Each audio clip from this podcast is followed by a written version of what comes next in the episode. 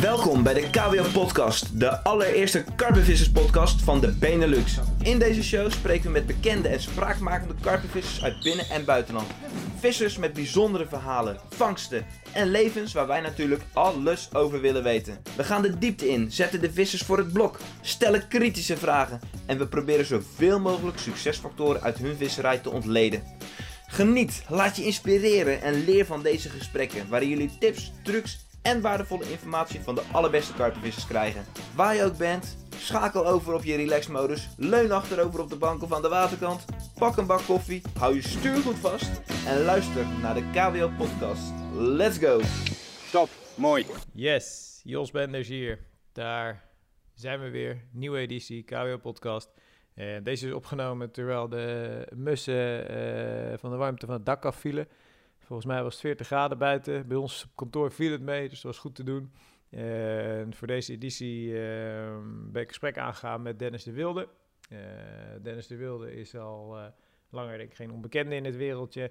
Eh, werkt in Nederlandsport als agent, gaan we over spreken in de podcast. Ehm, heeft voor zijn visserij eigenlijk de afgelopen periode ervoor gekozen om steeds meer te focussen op eh, ja, specifieke piekmomenten in het jaar. En dan met name af te reizen naar eh, Rainbow. Nou, toch wel een, eh, een bijzondere visserij. Een visserij waar iedereen wel een mening over heeft. En waar ik ook gewoon simpelweg eens heel benieuwd naar was hoe die visserij nou precies werkt. Hoe ze zo'n water aanpakken hoe je daar überhaupt vist, wat ze ervan vinden. Nou dus daar ga ik eigenlijk met hem in dit gesprek dieper op in. Ehm, ik vraag hem zoveel als ik kon bedenken over die visserij. En denk dat dat wel redelijk, eh, redelijk compleet is. En, en ook een goed beeld schetst van waarom die gasten daar allemaal vissen en, en hoe die visserij eruit ziet. Nou ja, iedereen uiteraard zijn mening erover. Alle respect daarvoor. Ik denk dat het heel leuk is om eh, gewoon simpelweg eens wat meer achtergrond daarover te horen. Verder wat ook cool is, misschien hebben jullie het al gezien, KWO members. Wij zijn eh, vanaf eind juli live met nieuw KWO community platform. Visueel is een en ander veranderd, de app is veranderd. Uh, ik denk dat het er allemaal, wij hopen dat jullie het er strakker en, en, en gebruikersvriendelijker uit vinden zien. We zijn ook echt bezig op de achtergrond met veel nieuwe functionaliteiten. Er ligt veel focus op binnen het bedrijf. En uh, we verwachten dat we richting najaar 2019 een paar gave nieuwe functies voor community members uh, kunnen lanceren. Dus ja, houd het in de gaten. Uh, check ook de laatste series op de community. Pilar en Ossie is denk ik heel strak. eerste deel sowieso al live. Misschien inmiddels tweede deel al. Hou die serie in de gaten. Ik vind hem zelf ook echt gewoon top. Een van mijn favorieten ook. En verder zou ik zeggen, luister naar mijn podcast met Dennis de Wilde. Uh, mocht u vragen voor hem hebben, contact hem via social media. Hij is er altijd rap en zorgt ervoor dat hij zijn, uh, ja, zijn vraagjes links en rechts echt wel beantwoordt. Dus voor nu, uh, luister naar dit gesprek over, uh, over alles wat met Dennis de Wilde te maken heeft.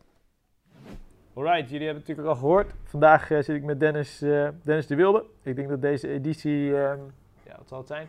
Medio augustus wordt gelanceerd. En nou zoals jullie gehoord hebben, heb ik Dennis met name uitgenodigd om eens te praten over zijn rainbowvisserij. Toch wel heel specifiek. Visserij waar veel over geschreven wordt, waar iedereen ook wel een mening over heeft. En uh, ja, het leek me leuk om eens van een, uh, een rainbowganger, een crack, te horen hoe hij die visserij beleeft, wat hij daar uithaalt, wat hij gevangen heeft, hoe hij dat doet. En daarnaast natuurlijk ook over zijn rol in de hengelsport te spreken. Dennis, welkom.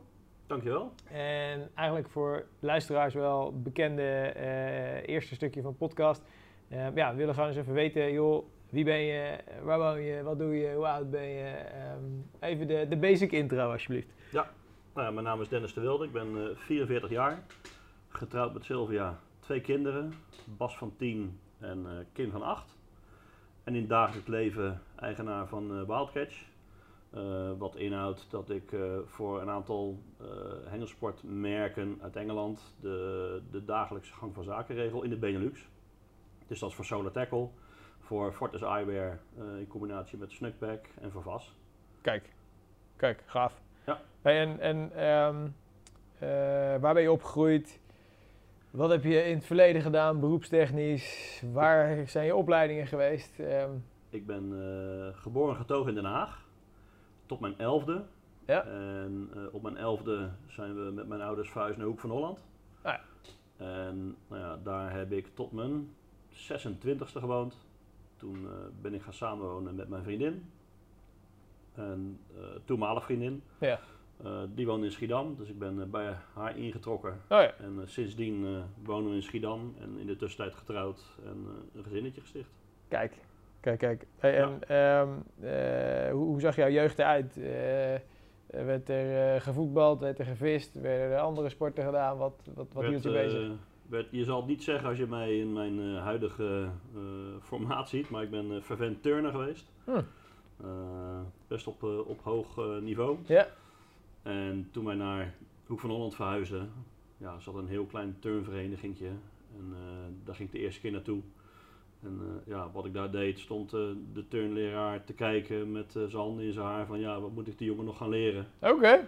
En eh, ja, gezinssituatie liet het niet toe om, om een paar keer per week van Hoek van Holland naar eh, Den Haag eh, te gaan om daar te turnen. Ja.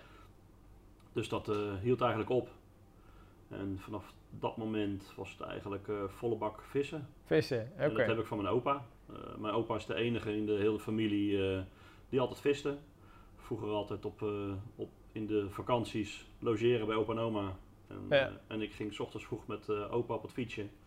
Hengeltjes had ik daar staan en gingen we s ochtends vroeg eh, vissen. En dat was witvis of, of allround? Of was wat, eh, voor eh, mij witvis. Ja, En, en opa die, die was toen de tijd al hardcore karpenvisser. oké. Ja, dus opa die zat achter die hengels zo hoog opgesteld. Ja, Met de aluminiumfolie wakertjes en met aardappels en met deegballen. ja. Ving die zijn vissen. en dan ving hij zijn, zijn karpers. En, En daar is het karpenvirus eigenlijk ontstaan. Eh, En over welke, welke periode hebben we het nu? Jaartallen, zeg maar, is dat? nou ja, ik ben nu 44 en eh, ja, dat was toen ik eh 7, 8 jaar was. 7, 8 jaar, oké. Ja, Dus dat, en, eh, eh, en als opa dan eh, even moest eh, plassen, dan moest ik op die karpenhengels letten. ja, En dan stond ik als klein mannetje achter die, eh, die karpenhengels. Eh, dat was wel heel spannend. En ik eh, denk dat dat eh, de trigger is geweest. eh, ja, dat dat karpenvissen dat zo extreem eh, spannend was.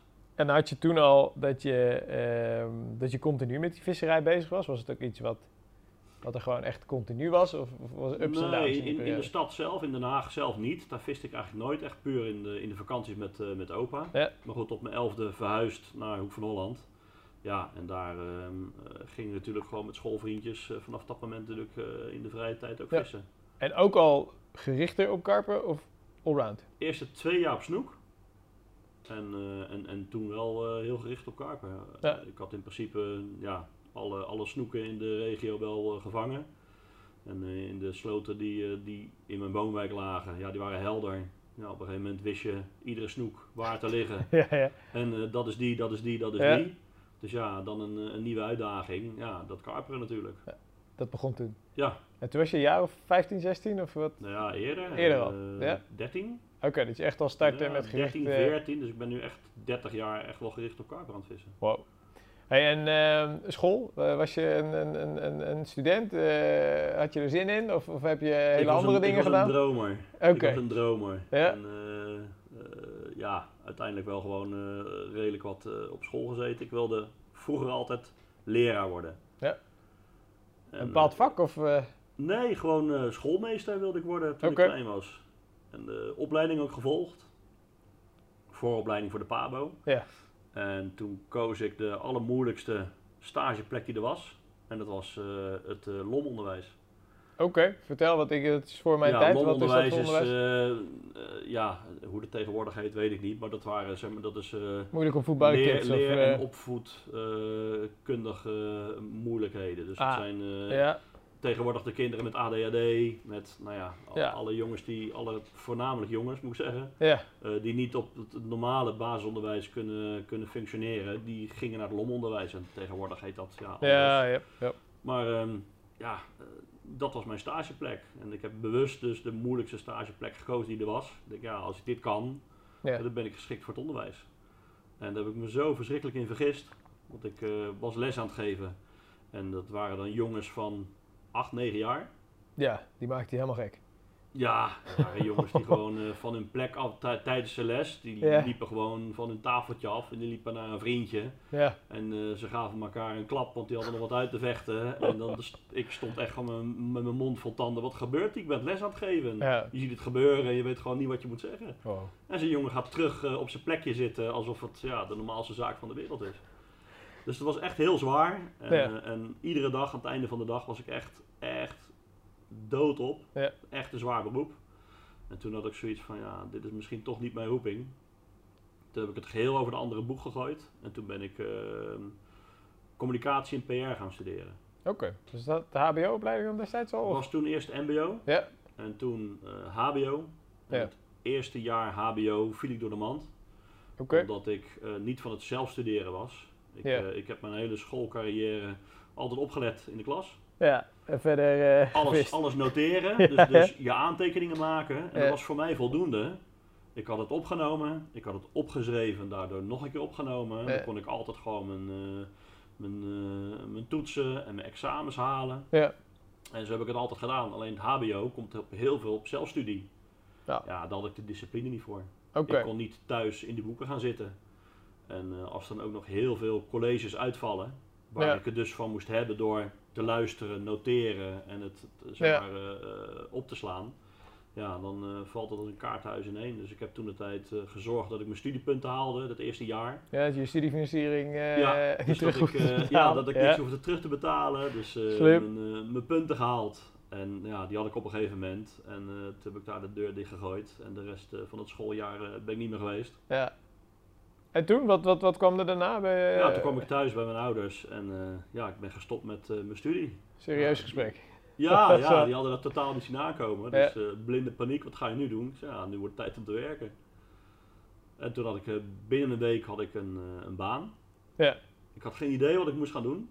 Dus eh, nou ja, toen de tijd ja, eh, ploos je de krant uit. Ja, voor vacatures. Ja, natuurlijk. vacatures. Van waar kan je iets... eh, En toen, eh, nou ja, ik woonde dus al in Hoek van Holland en ik zag een, eh, een vacature voor vertegenwoordiger bij een krant. Ja. Advertentieverkoper. Ja. En gek genoeg, in die vacature stond niet dat je een rijbewijs nodig had. Oké. Dus ik ehm, eh, netjes een brief geschreven en ik werd gebeld. En toen was ik, ah, toen was ik 22 meen ik. Ja. Ik werd gebeld op gesprek. En het eerste wat die eh, meneer vroeg van, eh, nou ja, oké, eh, hartstikke goed, maar ja, je hebt geen rijbewijs. En ja, je kunt je voorstellen dat je dat nodig hebt als je hier in de regio de bedrijven wil bezoeken. De Dan kan je niet je fietsje doen. verkopen. Ja. Ik zeg ja, maar dat staat niet in de advertentie. Nou, ja, toen moest hij heel hard lachen en ja, ja, dat is mijn fout. En een goed gesprek. En toen hebben we afgesproken, ik ga zijn speer mijn rijbewijs halen. Ja. We houden de vacature open. En als jij binnen een half jaar ehm, je rijbewijs kunt halen, dan eh, bel je. En dan eh, hebben we het tweede gesprek. Oké. Dus ik, eh, als een speer mijn rijbewijs gehaald. En op de dag dat ik mijn rijbewijs had gehaald, belde ik hem. En de volgende ochtend ging ik op gesprek. En reed ik met een leaseauto de deur uit. Ja. En maandag beginnen. Oké. Zo. Dus ik- Dus dat was even stroomversnelling. ja, dus eh, toen heb ik een jaar lang heb ik dus advertentieverkoop gedaan. Ja. Een eh, keiharde leerschool, want je verkoopt een wit stukje papier in een krant. Ja. En je moet een, eh, een, eh, een adverteerder zien wijs te maken dat als hij dit betaalt voor dat witte stukje papier, dat het hem geld gaat opleveren Ja. in plaats van dat het kost. Ja. Dus dan een jaar gedaan en heel veel geleerd. Ehm, en aan het einde van het jaar nou, was ik die uitdaging ook weer kwijt. Dus ik had een, een voortgangsgesprek, ik had een jaarcontract gekregen, een voortgangsgesprek gekregen. En in dat gesprek zei ik, eh, ik stop ermee. Oké. Eh, Maar ja. was dat bewust een bewuste keuze dat je zoiets had van, joh, ik eh, doe iets anders? Tijdens dat gesprek besloot ik het eigenlijk van ja, waarom zou ik eigenlijk mijn contract verlengen? Ik, eh, kon onbepaalde tijd krijgen na het eerste jaar. Ja. En in plaats van onbepaalde tijd zei ik van eh, ja, maar ik eh, stop. Ja. Dus eh, dezelfde schok voor mijn ouders. Ik kwam eh, s smiddags thuis en ik zei, eh, ik heb een baan opgezegd. Ja, ja. Maar waar Ja. kwam dat vandaan dan? Wat was daar de... Ja. Gewoon niet meer gemotiveerd? Niet meer gemotiveerd. Het, trucje, het trucje na een jaar eh, had ik wel een beetje door hoe dat moest. Ja, En eh, ik denk, ja, nou, dit is niet echt het beroep wat ik de rest van mijn leven zie doen om bedrijven te benaderen om advertenties te verkopen. Dus andere uitdaging. en waar ben je toen, wat, wat was de volgende Toen stap? ben ik de verkoop nogmaals ingegaan. En toen Ja. ben ik, de, heb ik bij twee verschillende eh, oliebedrijven gezeten. Ja. Ehm, totaal anders. Maar eerst binnendienst, eh, verkoop gedaan. Ja. Daar ook ervaring op gedaan, een aantal jaren binnendienst. Ehm, toen heb ik de buitendienst ingegaan. Nou, toen eh, was ik dat ook wel een beetje zat. Ja, En toen heb ik nog een jaar of vijf ben ik accountmanager geweest bij Pluimen. Dat is een bedrijf in gift vouchers. Oké. Dus eh, Ja. in, in het kort, in plaats van een kerstpakket aan je personeel Ja, geven, krijg je een cadeaubon, dat eh, je alles ja. kunt eh, zelf kiezen. Ja. Dat heb ik een aantal jaar gedaan. En eh, ook weer een hele mooie leerschool. En toen kwam daarna kwam de kans om eh, in de hengelsport te stappen. Ja, Want die, die, die visserij, die was er wel altijd nog. Ja, ja, ja. Dus ja. je bent gewoon, ook in die periodes, ben je Ja. continu blijven vissen. Ja, ja, wel heel bizar. eh, Ja. Een aantal jaren, wat tropenjaren gehad. Ja. Dat ik in principe gewoon 12 maanden per jaar viste. Gewoon volle bak. Ja, nou ja, de keren dat ik zwinters wakker werd en eh, ja, de deksel lag op het water. Ja. En ik mijn lijnen moest uithakken, die zijn niet op twee handen te tellen. Maar hij je viste gewoon drie, vier nachten per week. Als het, Ja, eh, wel heel veel. ja, Alle tijd, gewoon non- non-stop. gewoon door. Ja, Maar die motivatie, je, het je geeft aan van joh, eh, motivatie dan voor de jobs wisselde af en toe, was er niet. Maar die motivatie voor het vissen, die was er gewoon continu. Dat, in je, in je visserij ben je je hele leven aan het... Aan het ehm, je interesses die, die wisselen constant. Mhm. En, eh, en, en veel jongens die ik om me heen zie, die net zo lang als mij vissen, Ja. die blijven doorvissen omdat je moet jezelf herontdekken. Je moet jezelf zorgen dat je eh, uitdagingen blijft vinden. Dat verandert. Ja, Dus je moet zorgen dat, dat je jezelf kan blijven prikkelen om te blijven vissen. Ja Altijd hetzelfde blijven doen wordt saai. tuurlijk. Maar, Dus de, dat verandert. de, maar de essentie van het vissen, dus het vangen van een vis, dat Ja. triggerde jou dat, Ja. en dat blijft je gewoon Ja. triggeren. Nou ja, eh, Tot, tot min 14 aan het Campingskanaal gezeten. En, eh, heel Nederland afgereisd. In België, eh, heel Frankrijk doorgereisd. Doorgekacheld om overal... eh, Altijd een nieuwe uitdaging zoeken. En, en je geeft aan van joh, na die vijf jaar pluimen kwam er een moment dat je de kans had om de hengelsport in te rollen. Ehm, wa- wa- wat was dat? Was je al, al actief? eh? Ja, ik was al heel lang actief in de hengelsport. Naast mijn werk, eh, in mijn vrije tijd, als, als field tester of als, nou ja, wat voor Ja. naam je er ook aan plakt. Eh, helpen bij beur- op beurzen, open dagen met een aantal bedrijven. Ah, oké, daar liep je altijd al in mee. in ja, dat ja, dus, dus nou ja, heel de, de scene toen de tijd, die, die kende ik al vrij goed. Ja. In eerste instantie ooit eh Danny van Corda leren kennen, Ja. 25 jaar geleden. Eh, Danny gaan helpen met beurzen, open dagen. En nou, heb je het over 25 jaar geleden. Toen kenden al die Engelse bedrijven kenden een handvol mensen op het vasteland. Ja. Via- afstand was veel groter gewoon. Eh, ja, dat- ja dat- precies. Dus Ja. als zij op open dagen op beurzen waren, dan was alle hulp welkom op het vasteland. Ja. Voor de taalbarrière natuurlijk mee te helpen. En via Danny heb ik Martin Lok leren kennen, heb ik zoveel mensen leren kennen. Ja. Eh, dat je een gigantisch netwerk hebt opgebouwd. Omdat al die bedrijven nog maar heel weinig mensen op het vasteland kenden. Dus. Ehm, en ja, daardoor heel veel samenwerkingen aangegaan met bedrijven, helpen. En ik altijd interessant gevonden om ja, mee te denken over producten. En, ehm, Maar, Dus maar ja. daar is eigenlijk dat eh, stukje eh, agentschap, zeg maar, wat, wat, wat Ja. nu je main business is, ja. dat is daar eigenlijk al ontstaan in die periode. Dus daarvoor, daarvoor meerdere keren kansen gekregen om ehm, ja, agent te worden. Ja. Maar een aantal keren niet op fulltime basis. Eh, in die tijd, zeg maar 10, 15 jaar geleden, zag je heel veel handelsagenten die het part-time deden. Ja. En eh, die, die zaten twee dagen in de week op de weg, bij wijze van spreken. En dan hadden daarnaast nog een baan. een side job, ja. En ja, mijn standpunt was, ik moet gewoon dat fulltime kunnen doen of anders niet. Ja. Eh, als een winkelier, wat jouw klant is, eh, op de dagen dat jij niet werkt een, een vraag hebt of, of Ja. iets nodig van je, je bent niet bereikbaar, ja dat werkt niet. Dus eh, op een gegeven moment kwam dus de kans om dat fulltime te doen. Ja, toen heb ik dat dus eh, wel gedaan en ja. Dat was in 2011. Ja, en sindsdien ja, werkt dat zo. Gewoon echt als, als zelfstandig agent aan de slag. Ja. Hey, en, en, en even voor de luisteraars, ehm, eh, je hebt natuurlijk aangegeven joh, de merken die je vertegenwoordigt als het ware. Ehm, het werk wat daarbij komt is simpelweg het, het verkopen van de collecties, het afhandelen Ja. van de aftersales. Ja. Eh, je hebt ook nog een stukje acquisitie misschien, denk ik, links en rechts, nieuwe... Ja, je, bent je bent gewoon de vertegenwoordiger. Alleen eh, de, de grote firma's hebben vertegenwoordigers in loondienst. Ja, Eh, ik doe het op zelfstandige basis en ik doe het voor meerdere bedrijven. Dus je bent gewoon de, de freelance vertegenwoordiger voor Ja, een aantal merken. En dat pakket, ja, dat heb ik zo ontwikkeld. En eh, in de loop van de jaren een aantal eh, eh, wisselingen gehad. Ja. Maar ja, het pakket wat nu staat, vult elkaar aan. Merken die kwalitatief zijn, innovatief zijn. Ja.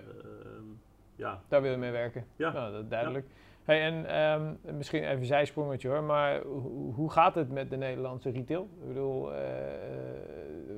loopt de verkoop? Ik lees alle onderzoeken overal dat natuurlijk eh, de gemiddelde retailer het best, best zwaar heeft met Mhm. een fysieke winkel, mede door natuurlijk online opkomst. Hoe ervaar jij dat? Hoe, hoe zie, kijk je daar tegenaan? Ja, er is natuurlijk een duidelijke verschuiving in de, in de markt aan de gang. Ja. Dat is eh, in de hemelsport, maar dat is in iedere branche. Ja. Eh, als ik bij mij bijvoorbeeld in de stad kijk, ja, ik zie bijna geen bakkers, slagers en groenteboeren meer. Nee, die overleven iedereen- simpelweg niet. Nee, nee. En hengelsport is niet anders. Dus de, de hengelsport staat, ja, is ook aan het ontwikkelen. En je ziet gewoon een verschuiving. Ja. Dus, dus het wordt rustiger in de winkels. Ehm, en de juiste winkels compenseren dat met hun online sales. Ja. Dus, En, en eh, is het ook zo dat jij ziet dat je het aantal klanten wat jij bedient eh, kleiner wordt, maar wel bijvoorbeeld de individuele klanten Ja. eh, met grotere budgetten werken en, en, en Ja. ook groter worden? Ja.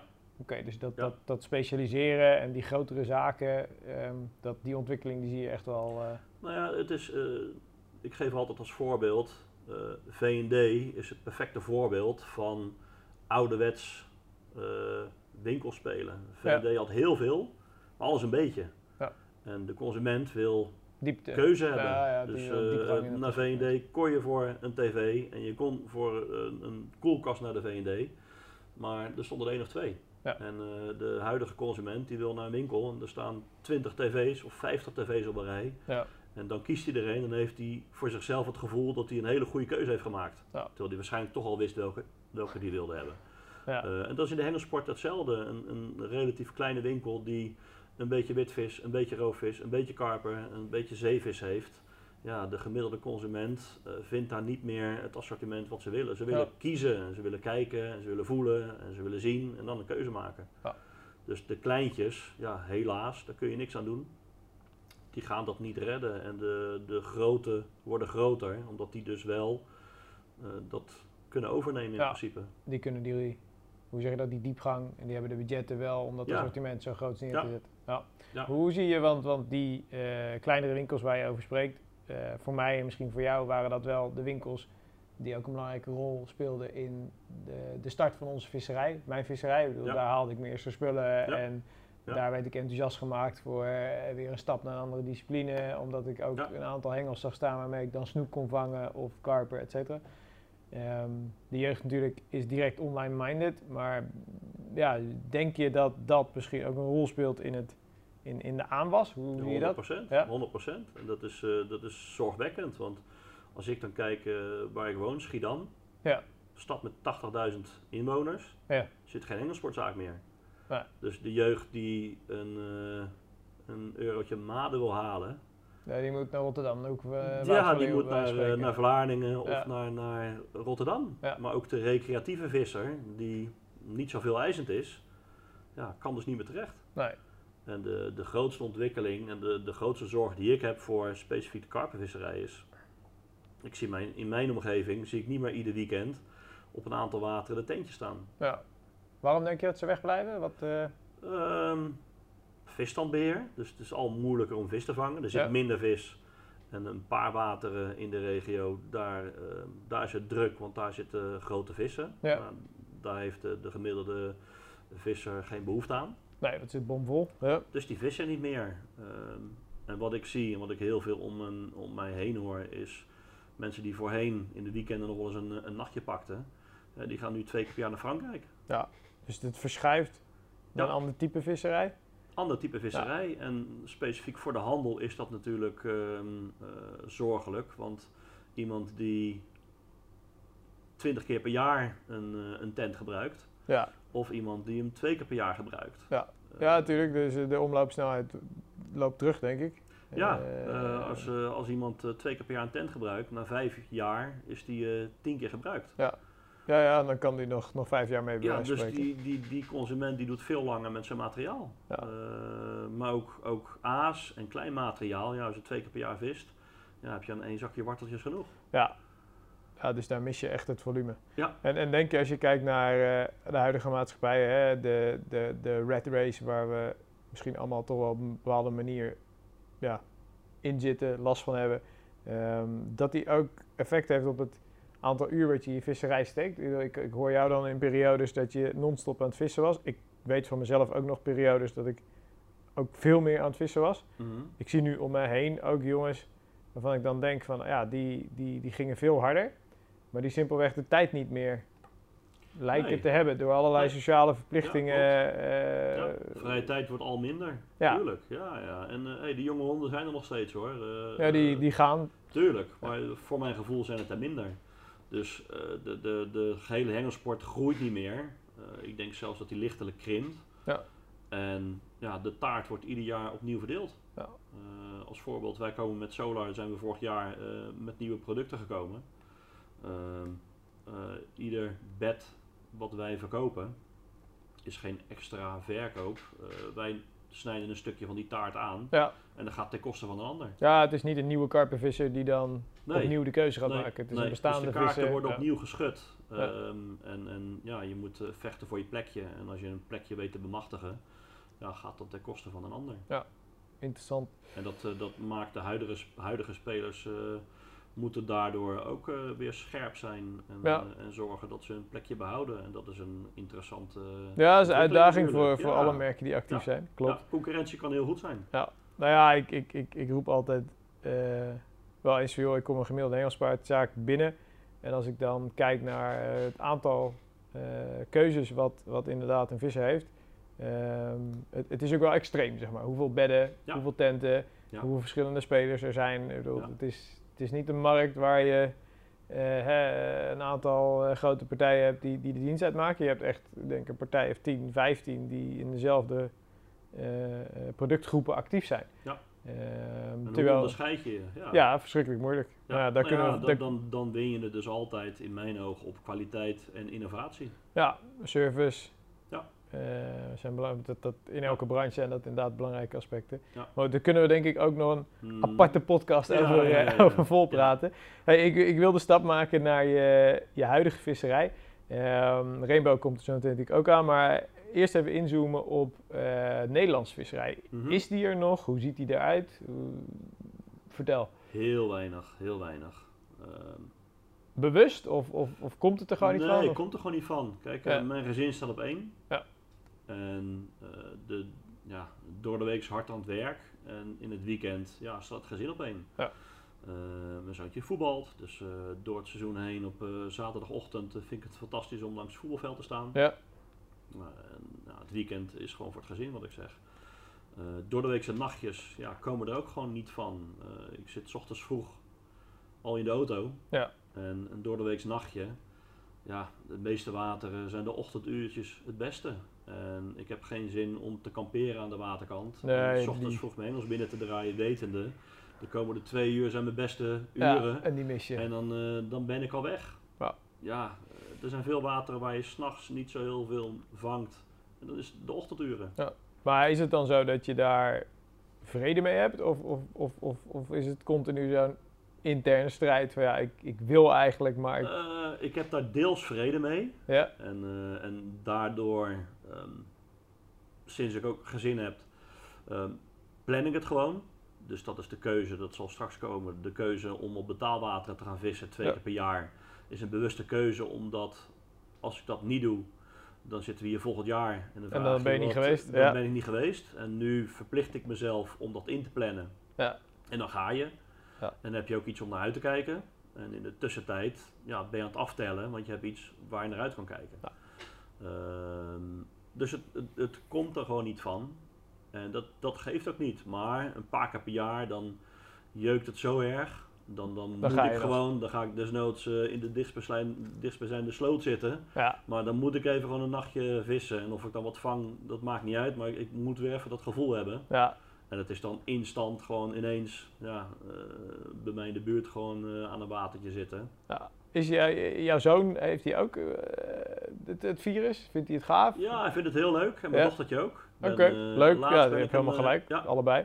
laatst ben ik een, een nachtje met mijn dochtertje wezen vissen. Leuk. En morgenochtend vertrek ik voor twee nachtjes vissen met mijn zoontje. Ja. Gaan we in België vissen op een watertje waar, eh, waar meerval zit. Oké. Ook ineens weer een, een spontaan instant idee. Ja. Maar dat kan ook wel een trigger zijn om die Nederlandse visserij dan weer...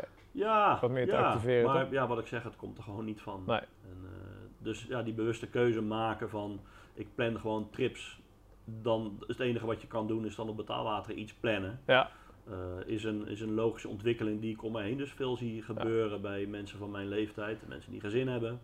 En, en dan is de bewuste keuze om inderdaad eh, gewoon een snack te boeken, is dan met name het comfort en ook de, ja, hoe zeg je dat, de, de zekerheid dat je Ja. ergens goed terecht kan. In eerste instantie de zekerheid dat ik ga vissen. Ja, Daar is het ontstaan. Ja. Eh, en ja, alle bijkomende voordelen ehm, heeft het gewoon, je rijdt er naartoe met een gerust hart. Niet van, zal er wel een plekje zijn of Ja. waar moet ik gaan zitten. Het is eh, vastgelegd. Ja. Dus eh, je rijdt er met een, met een heerlijk gevoel naartoe. Ja, alle comfort is ook welkom. Ja. Is dat er niet, geeft het ook niet. Is het comfort er wel, is het mooi meegenomen. Ja. Ehm, en, en hoe werkt het nou? Want dat is natuurlijk ook iets eh, waar, waar misschien veel vissers benieuwd naar zijn. Eh, eh, is er gewoon vrij te boeken op Rainbow? Of is dat een, een gesloten Nee, systeem? nee. Of hoe? nee, Oké, nee, kijk, ehm, ik krijg er ontzettend veel vragen over. ja, Van eh, ja, hoe moet je nou boeken en privéberichtjes, kan je niks voor me regelen. ja, Eh, je, moet, je moet het zo zien, al jaren komt er een, vaste, een redelijk vaste groep vissers. Ja. En eh, Pascal, de eigenaar, die kan met die grote groep vissers die hij al jaren ontvangt, ja. kan hij ieder jaar zijn agenda gewoon boeken. Ja, hij heeft zo'n, zeg maar, ja, Ja. letterlijk zo'n lijst, zo'n bestand met vissers die elk jaar weer terug willen Ja. komen. En eh, die weten van de hoed en de rand. Ja, Eh, hij weet dat hij daar geen omkijken naar heeft. Ehm, en ja, de, de standaard Fransman is lui. Dus als hij ieder jaar met zijn vaste groep mensen zijn agenda kan eh, vullen, vindt hij het wel wa- best. waarom zouden die vaste mensen geen stekker geven en het risico nemen ja. dat er voor in de plaats mensen komen die er of een bende van maken? ja, of niet goed omgaan met het de is een specifieke vis. visserij, Ja. dus in dat oogpunt ja, heeft hij het natuurlijk goed voor elkaar. Ja. Aan de andere kant is het natuurlijk heel frustrerend voor mensen die er dolgraag willen vissen, Ja. die er amper tussen komen. Maar betekent dat dan dus eigenlijk eh, er een keer vissen is, is echt alleen op introductie? Ja. Dus je moet eigenlijk echt op introductie van Ja. de vaste groep moet Ja. je een keer... eh, Ja, hij heeft geen website waar je kan boeken. Nee, dat, oké. Nee. En er een keer naartoe rijden en dan zeggen, joh, mag ik hier een weekje vissen? Ja, dat... Dat is wel eens gebeurd. Oké. Ja, ik ken wel jongens die zijn daar gewoon spontaan naartoe, op de gok naartoe Ja, gereden. En- En, eh, en die kwamen daar aan en eh, ja, toevallig was er een stek vrij, want er was iemand eh, Ja. verhinderd. Ja, die kon Dan mag je toch een weekje vissen. Ja, Ja, nou ja, dat, dat kan gelukt zijn. Hey, en, en, en er is natuurlijk inmiddels een mega aanbod aan betaalwater hè, door heel Europa ehm, en verder zelfs. Waarom voor jou specifiek dan, dan Rainbow en waarom is dat iets waar je ook elke keer weer naar terug gaat? Zeg maar? Ja, nou ja, ehm, het is een, een, een, een mix van, van, van ehm, eh, aspecten die voor mij Rainbow het ultieme water maken. Ja. Eh, ik ben daarvoor op heel veel eh, betaalwater geweest. In de tussentijd ben ik nog een aantal betaalwater geweest om te kijken voor de afwisseling. Kan ik iets vinden wat mij net zo triggert als, als Rainbow? Ja. En dat is me niet gelukt. En het is, het is een combinatie van ehm, de, de visserij is zo afwisselend en zo uitdagend. Ja. Op, eh, op bijna iedere stek moet je op een andere manier vissen. Ja, Ehm, en ook op, op manieren vissen die je nog nooit hebt gedaan. En dat is die verrijking en, en steeds de uitdaging zoeken na al die jaren, wat je nog steeds eh, triggert. Ja. Eh, uiteraard de grote vissen. Ja. Want als, laten we eerlijk zijn, Niet als, de grootste vis, ja, als de grootste vis 20 kilo was, dan kon jij vast en zeker volgend jaar een stekje boeken. Ja. Ehm, dus het is de, de uitdaging, het is het bestand. Eh, de omgeving is fantastisch. En ja, het onderlinge, de onderlinge sfeer tussen de vissers is, is ongekend. Dat Ja. heb ik nooit meegemaakt. Het is een vriendschappelijke manier ja, van... eh, omdat je met een, met een vrij grote vaste groep ja, daar komt. Eh, als je aankomt zijn er altijd wel jongens die je kent die de week ervoor zitten. ja, Eh, dus dan ga je even eh, op bezoek. En eh, op vrijdag eh, komen de meeste mensen aan. De wisseling is zaterdagochtend, maar Ja. veel mensen komen op vrijdag al aan. Nou ja, vrijdagavond ga je met, eh, met z'n allen een hapje eten. ja. Ja, dat hoort er ook allemaal bij. Dus het is eigenlijk voor jou ook de combinatie, een stukje vriendschap, ontspanning. Ja. eh, wat, ook, wat het ook Ja. een aantrekkelijke bestemming maakt. Onderling, eh, respect ook. Ik heb nog nooit gezeur gehad met de buurman die, die bij jou in het een stukje water komt vissen. Dus je hebt de vrijheid. Ja. Ja, En, en wat je rijdt, eh, wat, wat, wat is het, een kilometer of 11, 1200 denk ik? ja 1100 kilometer. Zoiets wel hè? Ja. want Ja. Het, het, het is eh, onder Bordeaux toch? Ja. Waar, waar zitten we? Ja. Onder Bordeaux, dus. Zuidwest Frankrijk. Ja. Toch? Oké. En, en eh, een weekje, want het is ook niet extreem, extreem prijzig toch? Eh, 250, nee. 300 euro betaal je voor een week? Eh, meer- het gaat richting de 400 euro. Vier, eh, oké. wel een stapje gemaakt inmiddels. Ja. Oké. Maar goed, nog steeds een, voor het bestand is natuurlijk Ja, een, een nou relatief ja, goedkoop water. Ja. Eh, ik ben ervan overtuigd dat eh, als hij het dubbele zou vragen, dan, Dan zit het ook eh, dan haakt niemand af. Nee. Je, je hebt wateren die, die drie keer zo duur zijn. Ja. Ehm, En, en als je het hebt over die uitdaging van jou, hè, waar je net ook, ook aan refereert. ehm, eh, heb je dan elke keer dat die uitdaging zit in, in, in bepaalde vissen vangen die je nog niet gevangen hebt? Of zit die in, oké, weer een nieuwe stack en ook daar moet ik het aan het lopen krijgen? Waar, Ja. waar haal je dat uit? nou, de, de uitdaging is inderdaad gewoon om het water onder de knie, knie te krijgen. Ja, De eerste tien sessies dat je erheen gaat, ben je alleen maar aan het leren. Ja. Eh, en ik heb ook bewust ervoor gekozen om eh, zoveel mogelijk andere stekken te bevissen. Omdat het sommige stekken je zo verschrikkelijk anders moet vissen. Mhm. En eh, wat ik zeg, een stukje verrijking in je visserij, een stukje uitdaging zoeken. ja. Is Ja. het dan voornamelijk ook obstakelvisserij eigenlijk? Op elke Ja, stack? de meeste stekken wel, ja. Ja. Ja, zeker. Ja. Oké.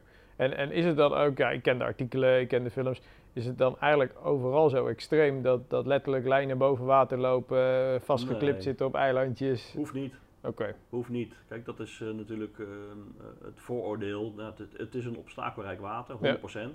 Eh, je hebt ook echt wel aangepast materiaal nodig, op, Mhm. eigenlijk op iedere stek. Maar ehm, als ik kijk naar een aantal van de meest succesvolle grote vissenvangers, ja, dat zijn jongens die nog nooit een float, een paal, een haak of een Hebben gebruikt. hebben gebruikt. oké. Die vissen op open water. Ja, En eh, op open water vang je over het algemeen de grote vissen. En in de kleine slootjes en baaitjes Ja. niet. Nou ja, dan is het waarschijnlijk een kleine vis van Rainbow is nog steeds een, een hele serieuze vis. Nee, nee de, de, hey, Of de- is het, de- eh, er zwemmen ook vissen van 5 kilo. Oké, want hoe ziet dat bestand, zeg maar, als je, als je die, die, die toplaag bekijkt? Bedoel, waar hebben we het dan over? Als we kijken naar, eh, wat is ja, inmiddels... 40 ge- kilo plus. Ja, maar meer, meerdere Ja. vissen of één vis? Die, Nee, op dit moment eh, is er één vis die wel over de 40 kilo gaat. ja. En 30, En 30 kilo 30 vissen, kilo, ja, heb je het over wel meer dan 50 vissen boven meer de dan 30 50. Ja, bizar. Ja. Bizar. En hoeveel hectare is kilo. Ja, ruim 40. 40 hectare. Ja. Ja. Ja, bizar. En, Dus het 20, is 20 en ongekend. 20 kilo vissen zijn waarschijnlijk eh, niet, niet eens te tellen, Ik- zeg maar. ik- nee, ja, ja, ja, honderden. ja, ongelooflijk. Maar goed, ik heb een keer eh, een, een sessie gehad, daar ving ik bijna 25 vissen. Ja. En mijn zwaarste vis was 20 kilo 1. Oké. Dus zo kan het ook. Maar gemiddeld gewicht, als je daar dan een uitspraak over zou moeten doen, wat denk je? Dat scheelt per visser. Dat ja. scheelt maar, maar überhaupt met het bestand, zeg maar, wat... wat gemiddeld. Ja. Gemiddeld gewicht bedoel je? wat ja, je gewoon überhaupt over het hele bestand, wat er, wat er zwemt. Weet- Ja, durf ik niet te zeggen. Lastig. Weet ik ja, je weet natuurlijk ook niet exact wat die... De, eh, de, de, de omvang van het bestand is ook moeilijk te zeggen. Worden er nog onbekende, grotere vissen gevangen? Er worden wel vissen gevangen die soms een paar jaar eh, er niet uitkomen. Ook in die toplaag? Ja, Ja? ja. Ja, gaaf. Ik had, eh, van het voorjaar had ik dan eh, een, een echt grote vis. Ja. Ja, die was, eh, die was ruim anderhalf jaar niet gevangen. Ja, is terwijl het bizar. 51 weken per jaar wordt bevist natuurlijk. Dus, Ja. Want één week Ja. per jaar is dicht? Ja. Oké. Hey, En, en, en wat doet zeg maar, de, het, het element van joh, de, de, de toplaag van de vissen is in kaart gebracht? Eh, geeft dat jou voldoende uitdaging om dan daar ook echt op te jagen, zeg maar? Om toch echt die... ja, Oké, ja dat, dat probeer je wel. Dus eh, in de loop van de jaren ja, ben je je, je je visserij ben je aan het ontwikkelen. Ja. Ehm, en probeer je natuurlijk eh, die grote vissen te vangen. Maar dat, Ja. dat, dat de, de vissen bekend zijn en, en een naam hebben, ik bedoel, dat is ieder zijn eigen Ja. keuze, ieder zijn eigen visserij. Daarin ha- daar haal je voldoende voldoening, daar je elke keer die ja, motivatie uit te halen om, om echt Ja. in volle bak te gaan. Nou ja, dat heeft iedereen toch?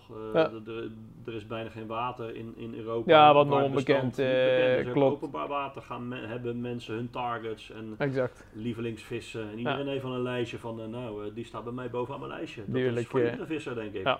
En, en als, jij, als jij gaat, hè, is jouw, jouw week dan geslaagd op het moment dat je echt een targetvis gevangen hebt? Of Is het het complete plaatje? meer. Nee. Eh, ik heb twee jaar geleden heb ik een, eh, een sessie gehad. Dat is mijn alle, qua resultaten, mijn, mijn, mijn slechtste resultaat ooit. Allebei één vis. Ja. En dat is een van de mooiste weken geweest eh, die we hebben gehad. Omdat de Ja. sfeer onderling fantastisch was.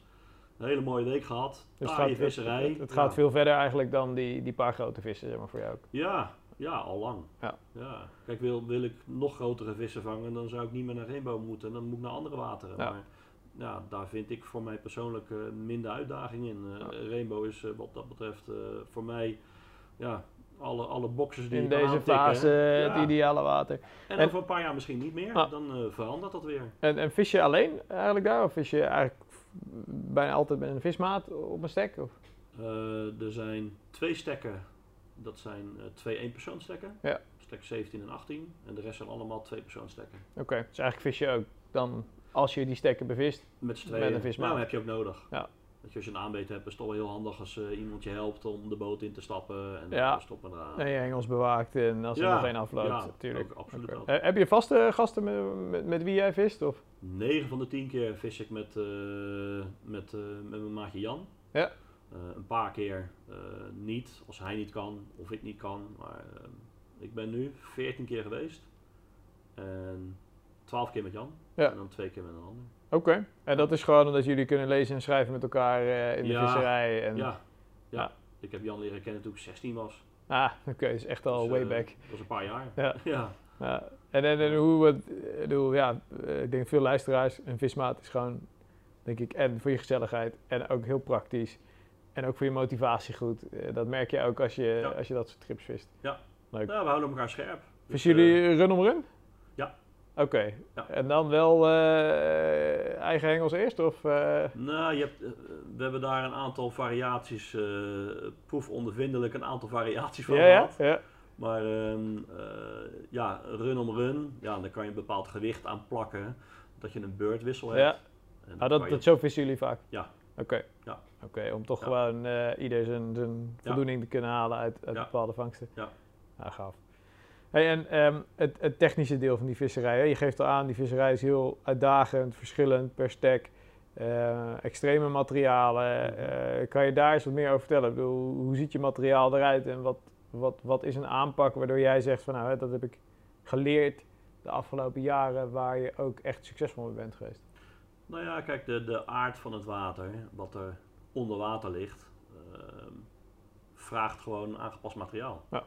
Eh, het is een oude eh, koolstofmijn. Ja, ik, kan, ik kan je een foto laten zien, een hele oude foto, eh, een luchtfoto waar het water extreem laag stond. Ja. En daar zie je al die bars en al die geulen zie je lopen. Ja. Het is net alsof er met een hark over het water, over de bodem heen is gegaan. Zulke extreme geulen en strepen zie je gaan. ja, Ehm, en het is zo extreem dat sommige van die bars, ja, er staat een metertje water op. En in de zomer, als het heel heet is, staan sommige delen boven water. En dat zijn bij wijze van spreken muren die in het water staan. Ja. En doe je twee stappen ervan af, ja dan... dan staat er 3,5 meter water. Oh, wow. Letterlijk gewoon Ja. echt muren. Ja. Ehm, en als je in die geulen wil vissen, ja, hoe ga je die vis eruit krijgen? Dus dan, dan kun je bijvoorbeeld een, een, een paal met een V erop zetten. Ja, En dan kan je over die muur heen vissen. Nou, dat klinkt allemaal heel bizar, maar ja, bij een aanbeet stap je in de boot. ja, ja vaar je gaat naartoe naartoe. en eh, Ja. drill je hem eh, vanuit de boot Ja. in die gul af. Dat is niet zo. Ah, als je bijvoorbeeld hebt over, over hengels, ik bedoel, gaat dat dan naar 3, 3,5 pond? Of, of hoe ik heb jij? eh, over het algemeen heb ik, het ligt aan de stek. Ja. Kijk, je hebt een aantal stekken. Mijn lievelingsstek is stek 18, dus vis je op relatief korte afstand tegen en tussen bomen. Ja. Ja, daar heb ik hele, ja, nog niet eens extreem zwaar materiaal. Daar heb ik drie pond hengels, 12 Oké. voet. Ja. Eh, en dan is alles, eh, alles op slot. Een Ja. visje, visje strak achter je hengels. Waar, eh, stekken waar je vanuit de boot moet drillen. Ja, dan vind ik het heel fijn om drie pond boothengeltjes te hebben. korte, 10 Korte, voet ja, heerlijk, goed Ja. parabolisch. Ja. Je zit natuurlijk met, ge- met gevlochten lijn. Heb je voorkeur voor bepaalde stokken waar je dan 10 voet? je ziet toch dat jongens... Ik, eh, 10 voet, ik heb eh, in mijn tijd dat ik eh, Sonic verdeelde, heb Ja. ik ont- hengeltjes ontwikkeld, specifiek voor, voor mijn eigen visserij op Rainbow. Ja. Dat waren, waren 10, eh 10 voet 3 pond hengeltjes, maar heel erg parabolisch, Ja. met heel veel reserve onderin. Ehm, en die hebben we toen ook uitgebracht als boothengeltjes. Ja. Ja, dat vind ik een heel fijn Die hengeltje. vis je nog steeds. Een hele soepele top. I- ieder merk heeft zijn hengels, ja. maar de eigenschappen was een hele soepele top. Met eh, extra power onderin. Ja. Dat als je een vis moet blokken, eh, dat je wel nog eh, wat reserve onderin hebt. Ja. Want Ja. ja, wat ik zeg, je vis met gevlochten lijnen. Ehm, dus die hengel moet, moet redelijk wat klappen op kunnen vangen natuurlijk. Een visje met eh, gevlochten zinkende lijnen? Ja. Of laat je, ja? Nou, geen zinkende lijn. Ja. Ehm, ik vis met eh, Berkeley Whiplash. Oké. 2400ste of 2800ste, ligt Ja. elke stek. Dus dat is best wel heftig materiaal. Ja, ja. En eh, over het algemeen, eh, ja, leaders, unleaded, eh 40 pond. Ja, En gewoon op echt. sommige stekken, ja, gewoon een heel, heel rolletje, 10 meter, eh 40 pond unleaded of 80 pond unleaded Ja. zelfs. Ja, maar puur ervoor te zorgen dat die obstakels niet voor lijnbreuk of ellende Ja, zorgen. eh, nou ja, die, die hele dikke unleaded snijdt ook niet in de obstakels. Dus eh, ja, eh, gaat een vis een boom in of, Ja. of onder water liggen er ook obstakels, afgezonken bomen. Ja. Ja, eh, het is zo dik, het is zo dik als spaghetti. Ja, dat snijdt niet in die boom. Nee. Eh, dus die glijdt er langs en dan eh, kan je die vis gewoon... En, en als het zo extreem is, hè, bedoel, heb je dan procentueel gezien dat je veel vis verspeelt? Of is dat eigenlijk met je ervaring inmiddels te minimaliseren? Of hoe? dat is te minimaliseren, absoluut. dus het is niet, niet extreem in de zin van, joh, tien aanbeten en hè? Nee, Oké, je, weet, je weet eigenlijk de meeste aanbeten ook wel echt te landen. ja. Ja, ik denk wel dat ik... ik zou het dus uit moeten rekenen, maar eh Ja. 90% land ik gewoon wel. Ja. Ja, oké. Dus geen, geen, geen gekke verhoudingen Nee, omdat nee, je zo extreem aan het vissen bent. Dat is een keuze ook, hè. Kijk, eh, wat ik heel veel, veel zie gebeuren is, eh, zeker jongens die naar Rainbow gaan, de eerste paar keren. Ja, Ehm, eh, als ze op woensdag, donderdag nog niks hebben gevangen, dan zie je toch dat ze misschien die laatste twee dagen nog een aanbeet eh, proberen forceren. te forceren, zoals dat tegenwoordig zo mooi heet. Ja, ja. En die gaan er toch iets meer gevaar opzoeken. Ja, dan komen de trucs om toch nog iets te proberen. Ja, niet altijd ja, even verstandig is. En natuurlijk. weet je, ehm, hoe gevaarlijker, hoe meer risico, maar dat, daar ben je zelf bij. Dat is inherent aan welke visserij dan ook. Ik heb op, op, op openbaar water ook eh, dingen zien gebeuren dat ik eh achter mijn oren krap. Ja. Ja, inderdaad. Maar je hebt, je hebt, in jouw visserij heb je, heb je geen, eh, hoe zeg je dat, geen, geen, geen aantallen waarvan je zegt van ja, dat nee, omdat ik niet, ook eh, ja, in de loop van de jaren, ja, wat we net al zeiden, probeer die grote vissen te vangen. ja, En die ga je niet in een ondiep slootje van een halve meter vangen. Dus ik, ik vis al op een manier dat ik zoveel mogelijk kans op grote vissen maak. Ja. Dus veilige vissen, eh, open water, diepe water vissen. En als je kijkt naar je, je rig, hè, zal ook aangepast zijn, maar haakmaten, formaat A's, wat, wat is daar jouw aanpak in? Eh, formaat haak ligt aan de stek ook. Ja. Maar op, op 90% van de stekken gebruik ik een, eh, een maatje 4 101. Ja. En eh, op de echte extreme obstakelstekken waar je ja, locked up vis tegen de bomen aan, ja, een maatje 2 101. Ja. Ja. En eh, qua onderlijnmateriaal, ik heb heel lang 40 pond unleaded gebruikt als onderlijnmateriaal. De laatste jaren gebruik ik van Corda, gebruik ik Armacord heet dat volgens mij. Ja. Die is eh, heel dun, extreem schuurbestendig. Ja. En ik gebruik combi-rigs, dus ik gebruik ook een deel zwaar nylon. Ja. eh, omdat je, je je rigs drop je vanuit de boot. mhm. En als je met geheel gevlochten onderlijntjes vist en je dropt hem, ja. nou, dan komt toch je haaka's bij wijze van spreken bovenop je lood te liggen. Je wil die En, afstand bewaren. Ja, eh, dus hij duwt hem altijd af. En ook als een vis nou, het eh haakhaas een keer heeft opgepakt en toch niet haakt, ja, Ja. eh, zet hij zichzelf weer goed. En sinds ik dat doe, ja, zie ik mijn, mijn vangsten wel eh, flink vooruit gaan. En hoe is dan die, die verdeling van jouw rig? Als je het hebt over centimeters, wat, wat is dan de, wat is de Een verhouding? redelijk standaard lengte in totaal. Centimeter is- of 18, 16, 17, 18? Ja, centimeter of 20, 25. Ja, oké, toch wel. Wel iets, Wel iets- iets- langer. iets langer. Ja, ja. Kijk, ehm, omdat je op hele grote vissen vangt, vist, Ja. ehm, moet je eigenlijk alles een beetje opschalen. ja, je wil ze wat ruimte geven om te bewegen. Ja. Ja. ja. Dus, eh, maar op zich redelijk standaard, alleen het, eh, het materiaal is wat zwaarder. Ja.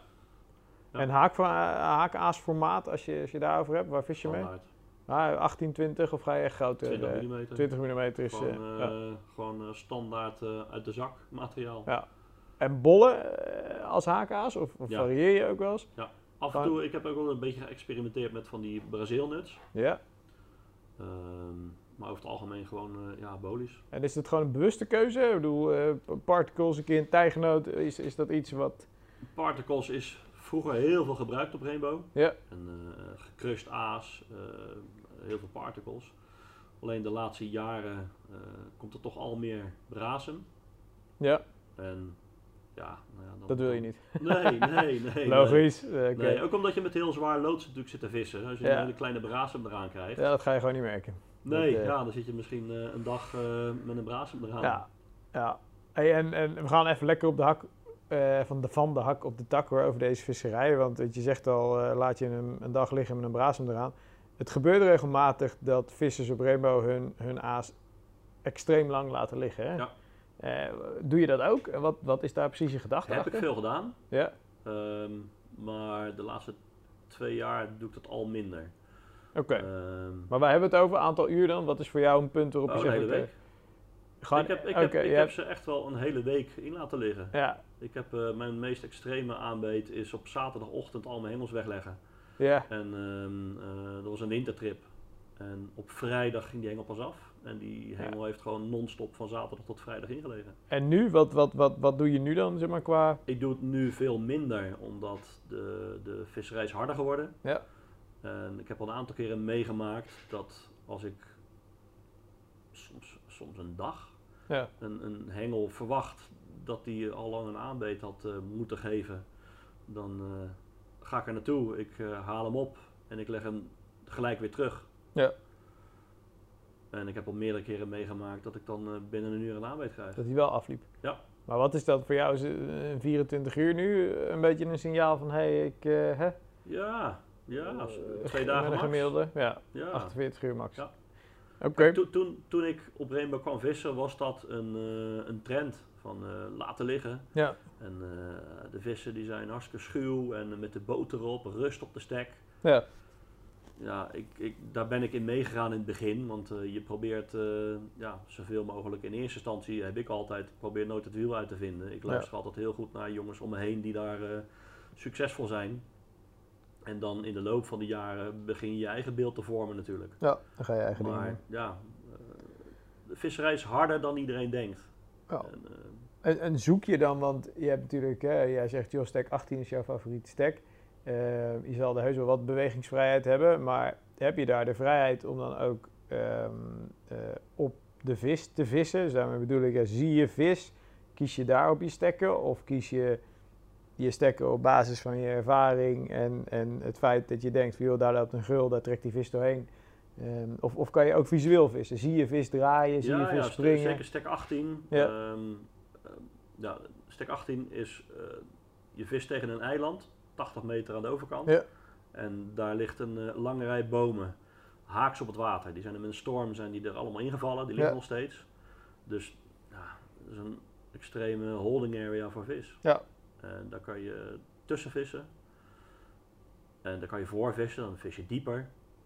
Dus ik vis, een, een hengel vis ik heel diep. Die vis ik op 6 meter diepte. Ja. En die ligt echt wel eh, heel ruim en veilig buiten de bomen.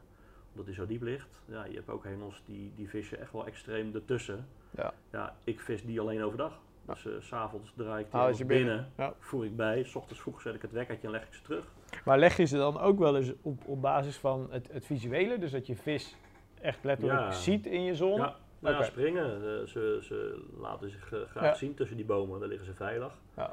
Ehm, Maar ja, je bent beperkt in, in waar je kunt vissen tussen die bomen. Want Ja. sommige bomen, er liggen zoveel bomen in.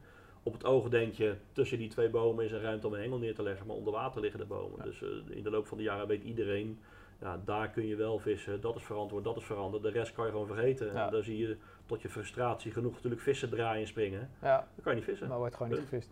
En je gaf eerder in het gesprek al aan dat het vrij troebel is. Ehm, als je dan die stekken zoekt, hè, eh, Mhm. is dat dan letterlijk gewoon voelen? Ja. Eh, want Ja. het, het is gewoon niet te zien. Ik bedoel, Nee, het en- water is net cola. ja, of thee, je en, ziet echt niks. En op je apparatuur, bedoel, is het op een dieptemeter goed? Op de dieptemeter eh, gewoon dieptemeter en een, en een poddingstick. Ja. Of gewoon een hengel met een stuk lood. Gewoon, Ja, maar dat is gewoon echt de manier om te tikken en te kijken van joh, lig ik ergens. Ja.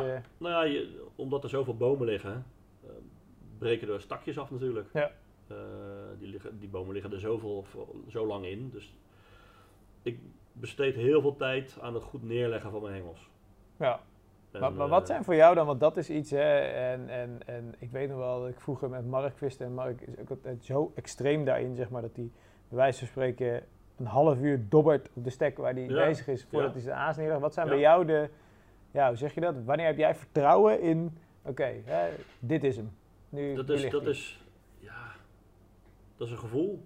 Ja, Ik, ik moet in één keer dat lood, boom, op de bodem eh eh, ja voelen. dus de hardheid zoek je Ja. naar. Ja, Kijk, en eh, je voelt af en toe dat je lood op een, op een, op een tak ja. of een, nou, dan voel je tik en hij valt om. Ja. Weet je? Dus hij valt in twee keer. Nou, dan weet je dat je op een tak bijvoorbeeld ligt. Ja.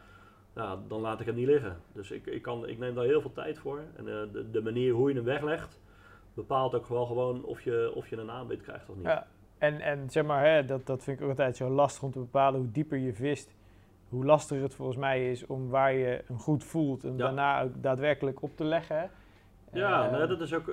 Ik, ik zie jongens, eh, zie ik ehm, hem droppen, die doen bij wijze van spreken gewoon eh, de, de beugel van de molen open. ja, En eh, laat alles los. laat maar zakken. En ja. laat maar zakken. Ja, ja. Boem en zo. Ja, Maar ja, ik, ik, ik, ik sweep hem van af. Ja.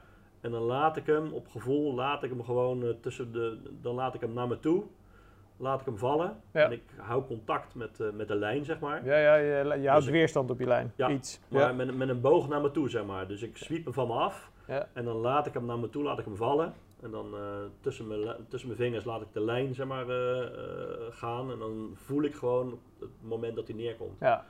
En, eh, en Maar, het, is, het is, het met me eens, het is toch mega moeilijk om dan, ik weet niet wat voor diepte je daar vist, maar om dan die plek die je eerst gevonden hebt, met Ja. het wegswiepen en het terug laten zakken, Ja.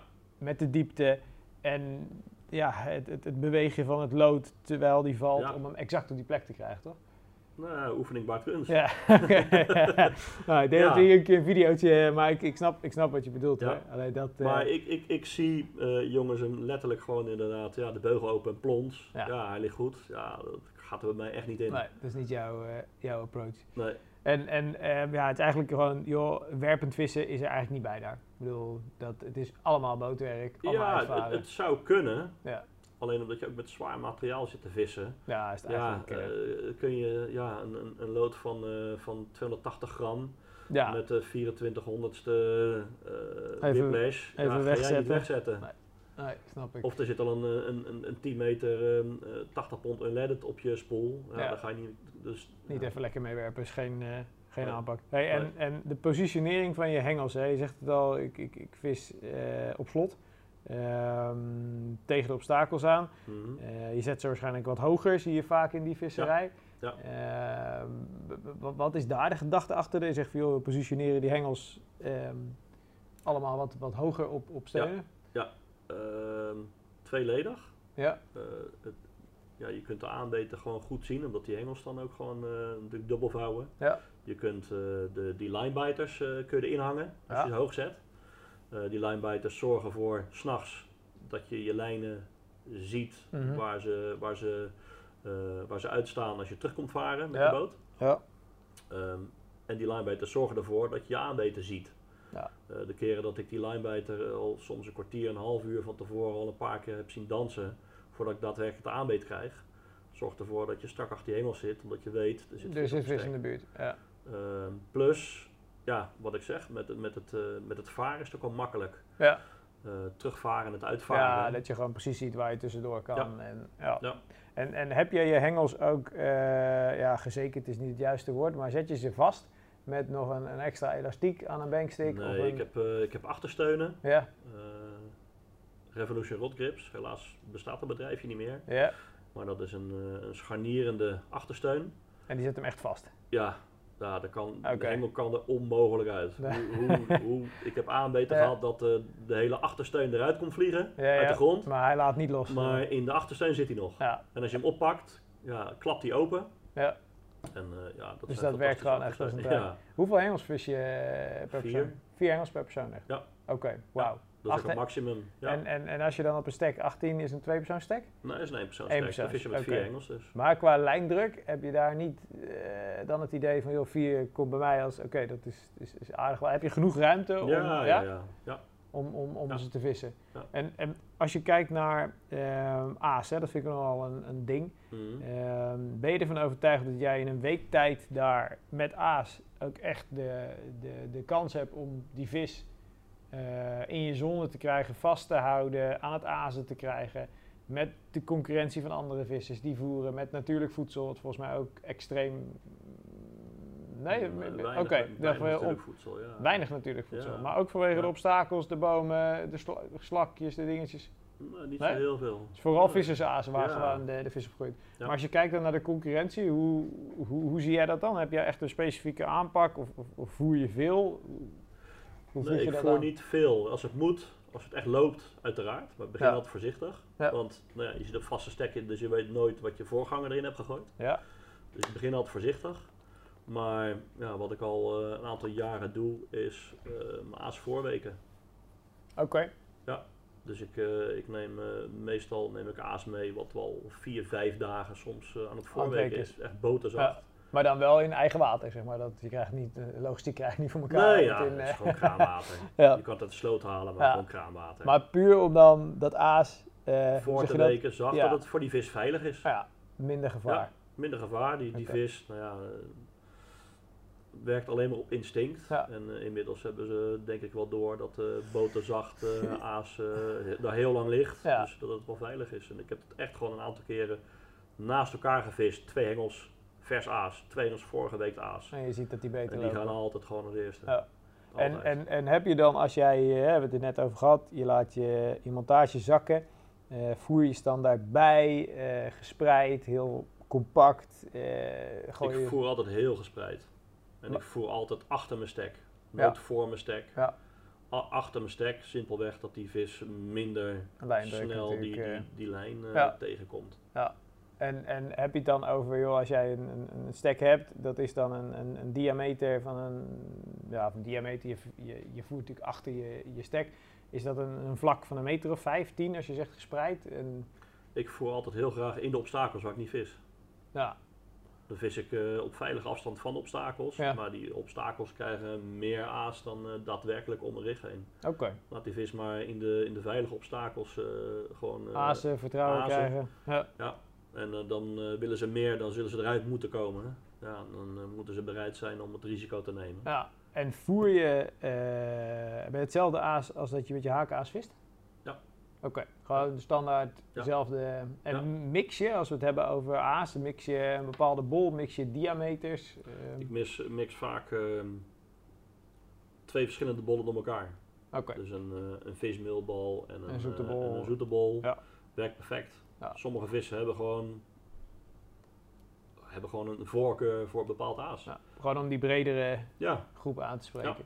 En heb je, heb je ehm, daarin qua diameters, dat je, je zei al heel 20 mm, prima, je varieert daar niet eh, het liefst in. vis ik, eh, varieer ik ook in diameters. Alleen eh, wat we net al zeiden, de brasem voorkomt het dat ik met klein aas vis. Ja, dus niet Dus kleiner dan 20 mm. 18 of zo, Ja, niet 20 kleiner. Dat, dat is wel echt het. Ja. en extreem groot om selectief te vissen?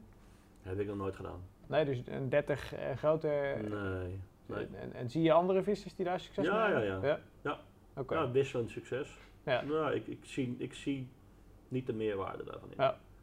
Ja. Je, moet, eh, je moet proberen ze te vangen op het aas wat ze, wat ze vrij eten. Ja. Nou, dat is dezelfde bol.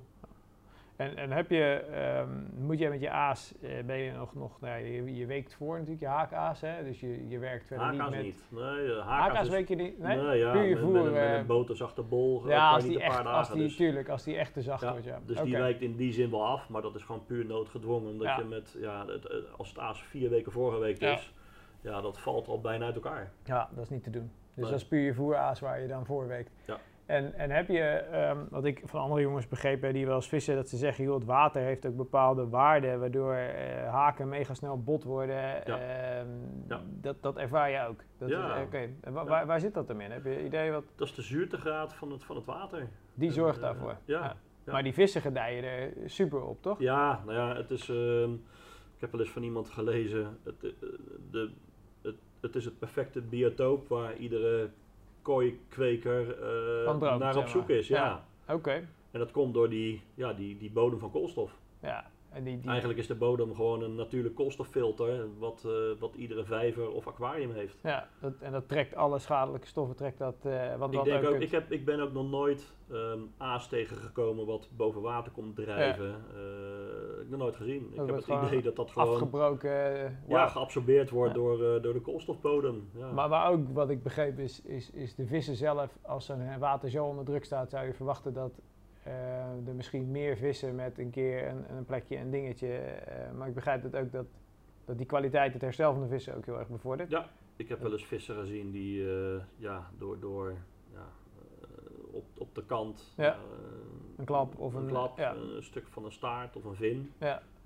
Ja, de volgende keer, dat is dan niet binnen een paar maanden, Nee, maar, nee, eh, maar- een jaar later is het bij wijze van spreken weer aangegroeid. Het is allemaal geheel. Dus Ja, het is echt de perfecte biotoop. En dat Ja. verklaart ook eh, het fenomeen rainbow dat die vissen zo bizar extreem, worden. eh, Ja. extreem groeien en extreem gezond. eh Ja. gaaf. Hey, heb je nog voor jezelf, want je zal ongetwijfeld voor 2020 eh, trips hebben staan, misschien zelfs 2019 nog, ik weet het niet. Ja, najaar nog. Oké, en heb je, heb je daar al bepaalde targets, ideeën, eh, waarvan je zegt van nou, hè, dat, dat, dat wil ik daar uithalen? Nou, ik, eh, in oktober ga ik eh, nog een keertje. Ja. En dan volgend jaar ga ik één keer in het voorjaar. En het najaar sla ik één keer over. En gaan we met, met heel Sola gaan we naar een, naar een ander water. Oké.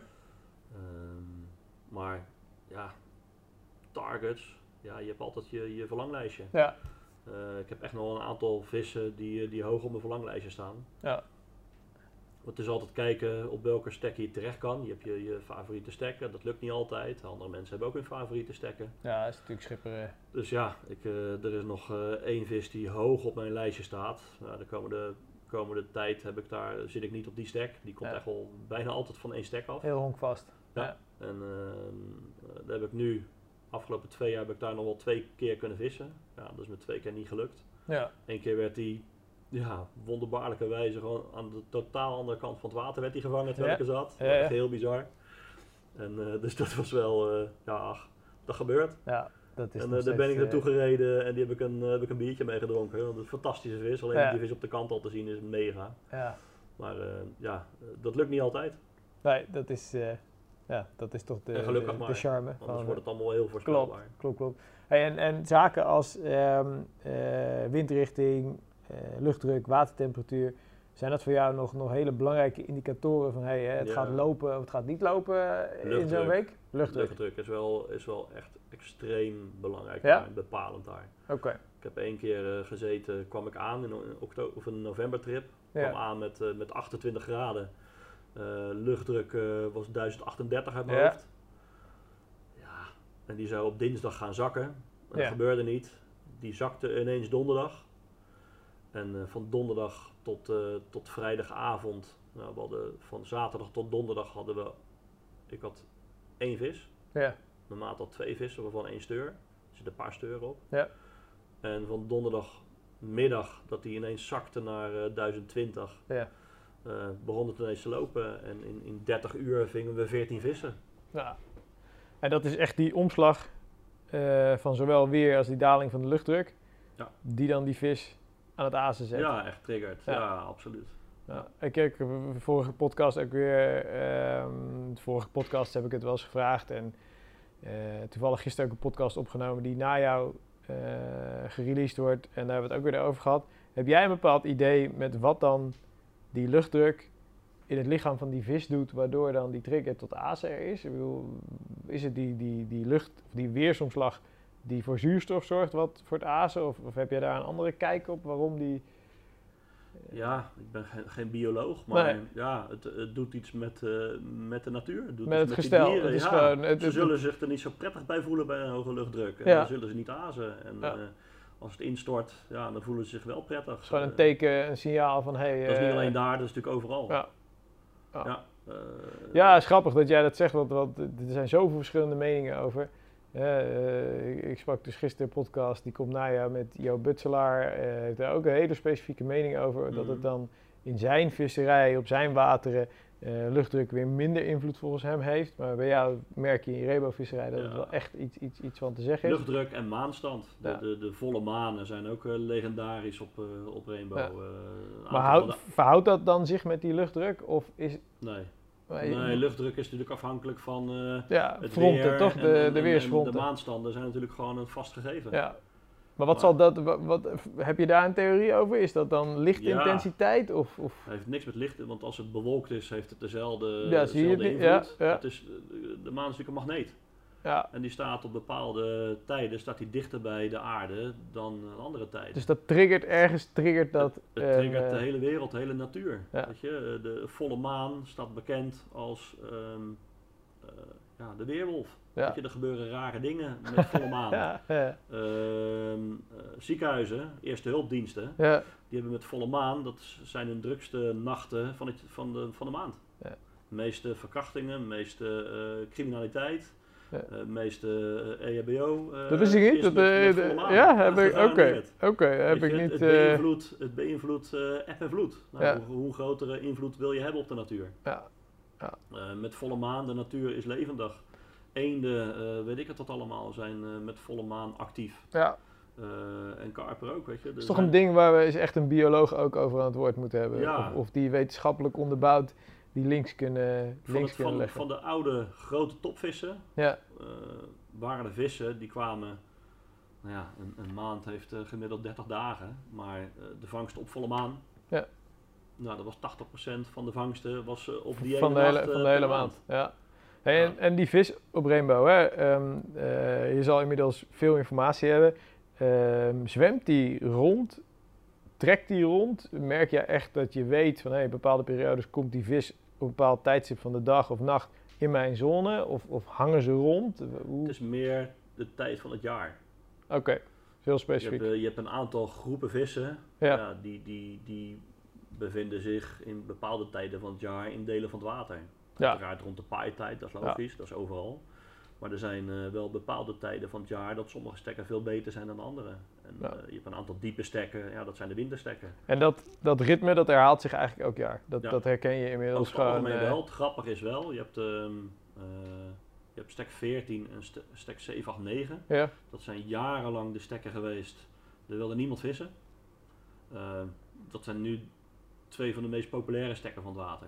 Oké. Dus, Dus het er wel eens een shift, wel. eh, ja, het shift in. wel. En, en zijn het dan eh, vissen die, die je zegt groepen? Ehm, merk je dat ook in je vangsten? Weet je van, hé, hey, eh, vis Y zwemt met vis X en hè, zijn wel bepaalde koppeltjes bekend. die ja. oké, dat Ja, zie je echt terugkomen. Ja. En heb, je, heb je het idee, ja, dat is, is dat dan gewoon net zoals bij mensen? Joh, vissen hebben ook gewoon een partner. Ja, hè, die, die, zwanen die, die zijn ook voor het leven die zijn ook samen. Ja. Dus dat zie je ook echt terug in je... Ja, ik heb dat in Nederland ook al eh, vroeger meegemaakt op een water. Als je de ene vis ving, dan eh, wist je dat die andere was je de eigenlijk... volgende eh, aanbeet was die andere. Ja, ja bizar. Dat, Ja. ja. ja, dat is natuurlijk ook lastig om daar echt wetenschappelijke onderbouwing, maar dat vissers, dat gevoel of zo, dat hoor je bij meerdere. Ja, op. Rainbow kan ik, kan ik één extreem voorbeeld noemen van, van, van de oudste, de, de, grootste schub die er vroeger zat, de Ja. Eric's Common, de oude wereldrecordschub. Eh nou, die zwom samen met een, eh, met een spiegel van, eh, van 2, 23 kilo. Ja. En, dat was de voorbode. Ja, Die vingen en dan was heel vaak was, was de Dat die andere de volgende vis. Ja. Ja.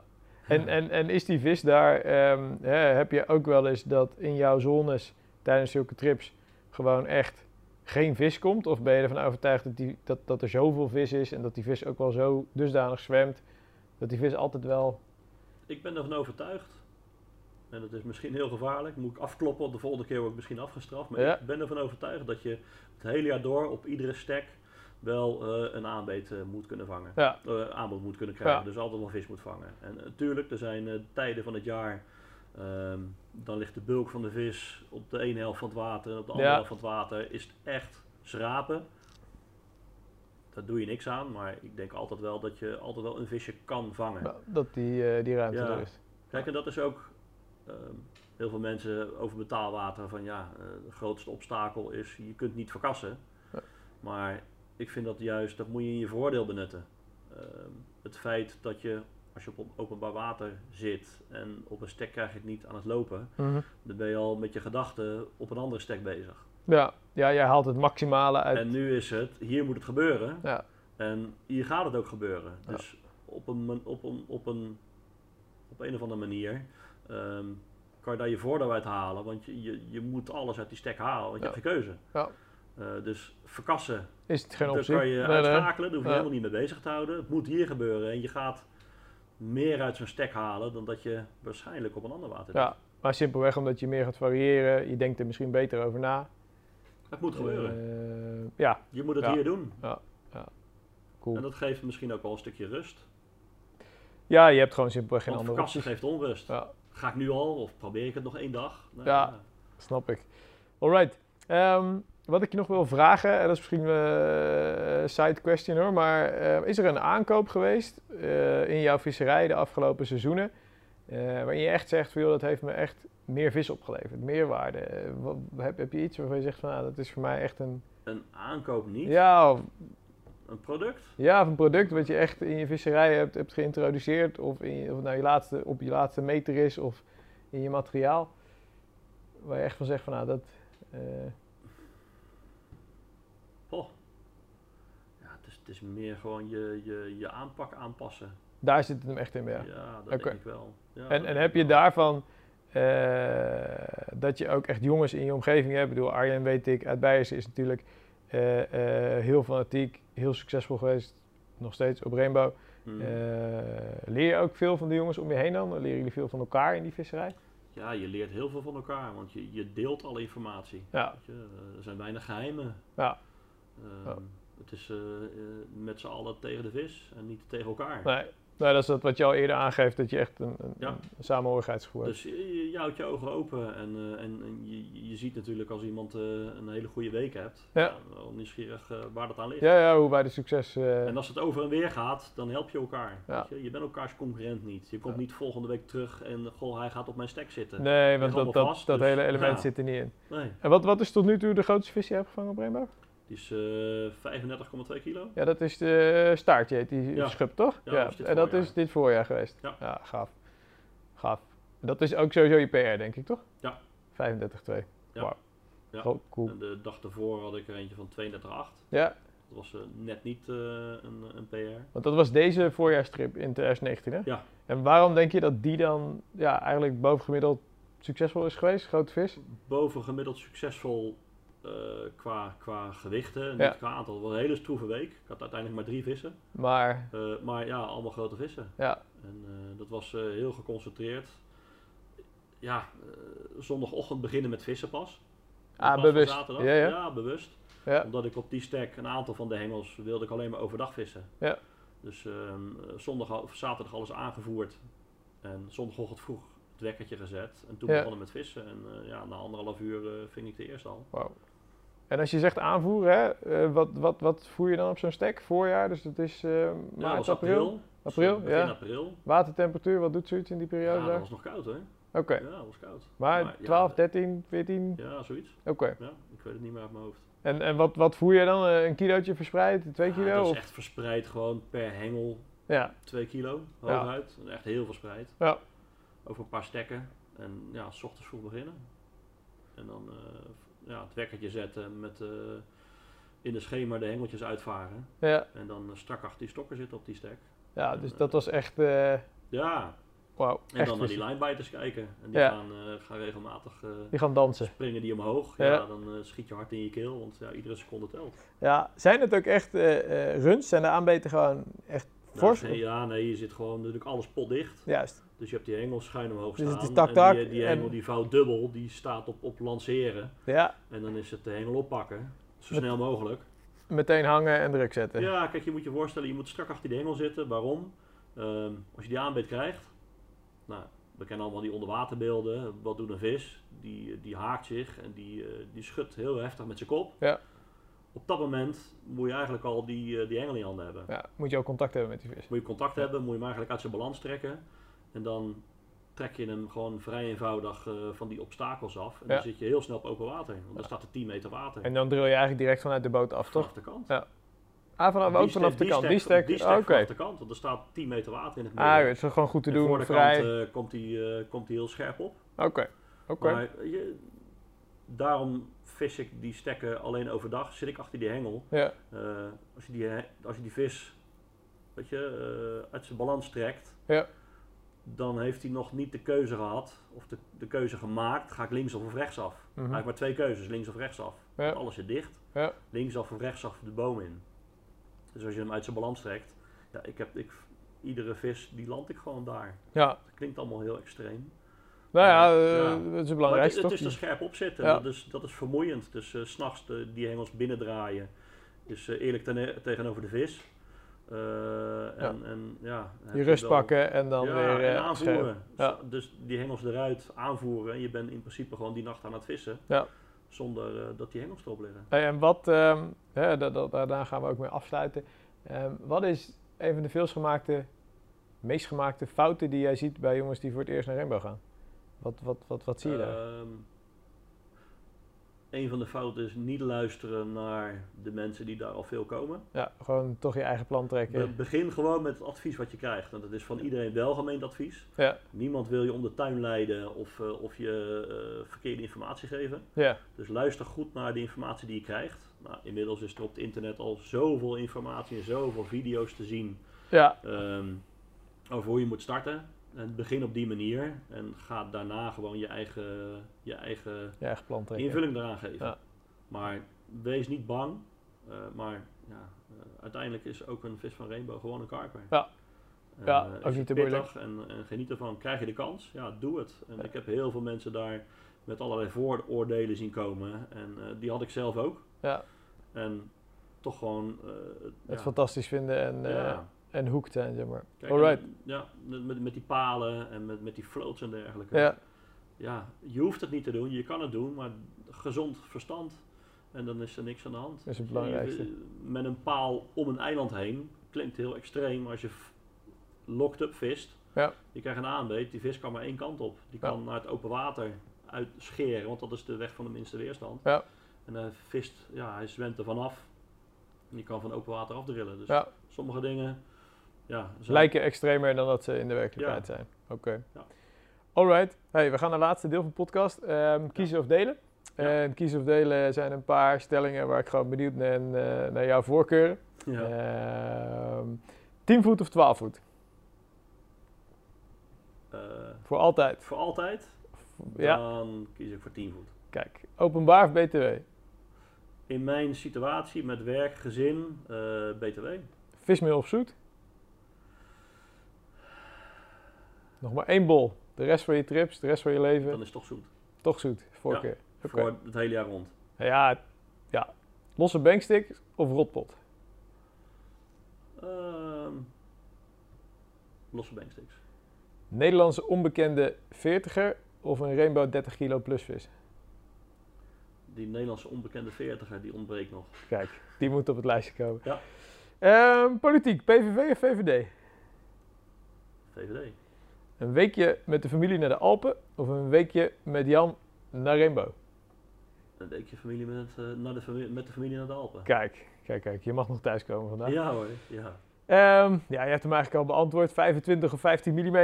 Je gaat voor de, voor de grotere, denk ik, hè? Ja, dan 25 mm. Ja.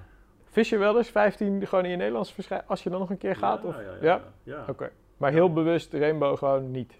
Puur praktisch. Ja. Ja. ja, met 15 mm ga je meer brasems vangen. Ja. En, en, en ja, dat, daar kom je niet voor. Nee. Denk je dat je wel het verschil zou, dat je het dressuur doorbrekend kan vissen als je het geduld zou hebben om, om, om continu door die witvislagen heen te vissen? Ja. Nou ja, ik heb dit voorjaar heb ik ook wel gewoon met, eh, met grondvoer gevist. Oké. Met die up-and-down mix eh, van Solar. Ja. Dat eh, eh, actieve eh, grondvoer. Ja, En ehm, ja, dat ging goed. Ik heb geen brasem gevangen. oké. oké. Bollen of particles? Bollen. Een caddy of een stationwagen? Een eh, werk, een caddy. Ja. En eh, privé, eh, gezin. een Stationwagen, Ja. kijk. Kijk, kijk, kijk, kijk. Leuk. hey, dat, dat, dat waren de tien. Ehm, ik wil je vragen, heb jij nog een, een boodschap die je aan luisteraars, vissers wil meegeven? Waar je zegt, joh jongens, vanuit eh 30 jaar Mhm. karperervaring, hè, is, is dit mijn visie op de hobby, of een tip, of een truc? Mijn tip is eh, overal met open vizier in.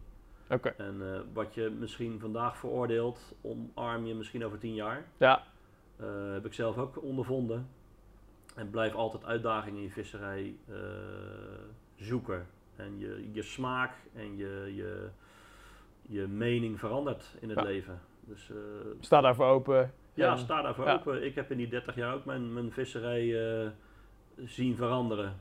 Ja. Dat kan door eigen invulling of door externe invloeden, eh, werk, gezin, noem maar, maar op. Maar Ja. ja, ja veroordeel niet alles eh, zonder dat je het eh, Het verandert. ervaren. Ja, En, en gun iedereen eh, zijn eigen plezier. En, eh, Ja. en, ja. mooie, mooie afsluiter. Ehm, laatste tip voor mij, voor een visser uit jouw omgeving, waar je zegt, Jos, ja, die heeft al zoveel bagage, kennis, technisch, tactisch, die moet je ook eens een keer eh, achter een microfoon krijgen. Het- Heb je daar iemand vanuit jouw netwerk dat je zegt van, nou, hè, dat, dat, daar, daar leer jij veel van? Of daar, Eh, wie, schiet daar iemand je te binnen, een naam? Mm. Nou, waar veel mensen ook wel veel van kunnen leren wellicht. Eh, maar goed, het wordt misschien weer een, eenzelfde soort verhaal. Arjen zou interessant zijn. Staat ook hoog op mijn, Ja. op mijn lijst. Nou ja, doe die dan. Ja, Arjen uit Bijsten. Kijk. Ja. Nou, Arjen, mocht ik een keer luisteren. Ik eh, zou graag met je in gesprek gaan. Ehm Dennis, eh dankjewel voor Ja. je tijd, voor je, je kennis, je, je ervaring die je gedeeld hebt in deze Graag podcast. gedaan. Bedankt voor de uitnodiging. Super. Ehm, jongens, luisteraars, eh, mochten jullie Dennis nog vragen willen stellen over zijn rainbowvisserij, zijn werk, via social media is vrij actief, Facebook? Ja. Ik denk dat het Ja, hoor. makkelijkste is om, om Ja. je te contacten, niet te beroerd om daarop te reageren of om wat tips en trucs mee te geven, mocht je Een wel... stek kan ik je niet geven. Dus, Stek eh, kan die je niet geven. Dus die, die vragen hoeven niet naar aanleiding van deze podcast te komen. Wij zijn er weer met eh, dag of 30, eh, een volgende gast. En eh, voor nu eh, over en sluiten. Bedankt voor het luisteren. Hoi. Zo, dit was hem. Hopelijk hebben jullie genoten van deze KWO-podcast. Nou, en wil je genieten van nog meer verhalen en avonturen? Bekijk dan een van de honderden updates die inmiddels voor je klaarstaan op de KWO-community. Vanaf 4,95 per maand ben je member en krijgt onbeperkt toegang tot alle vette films, artikelen en video's. Daarnaast scoor je ook nog eens dikke kortingen bij de diverse partners van KWO. Kortom, word member, bekijk alle updates op de website of download de KWO-app in de App Store. Jongens, tot de volgende aflevering.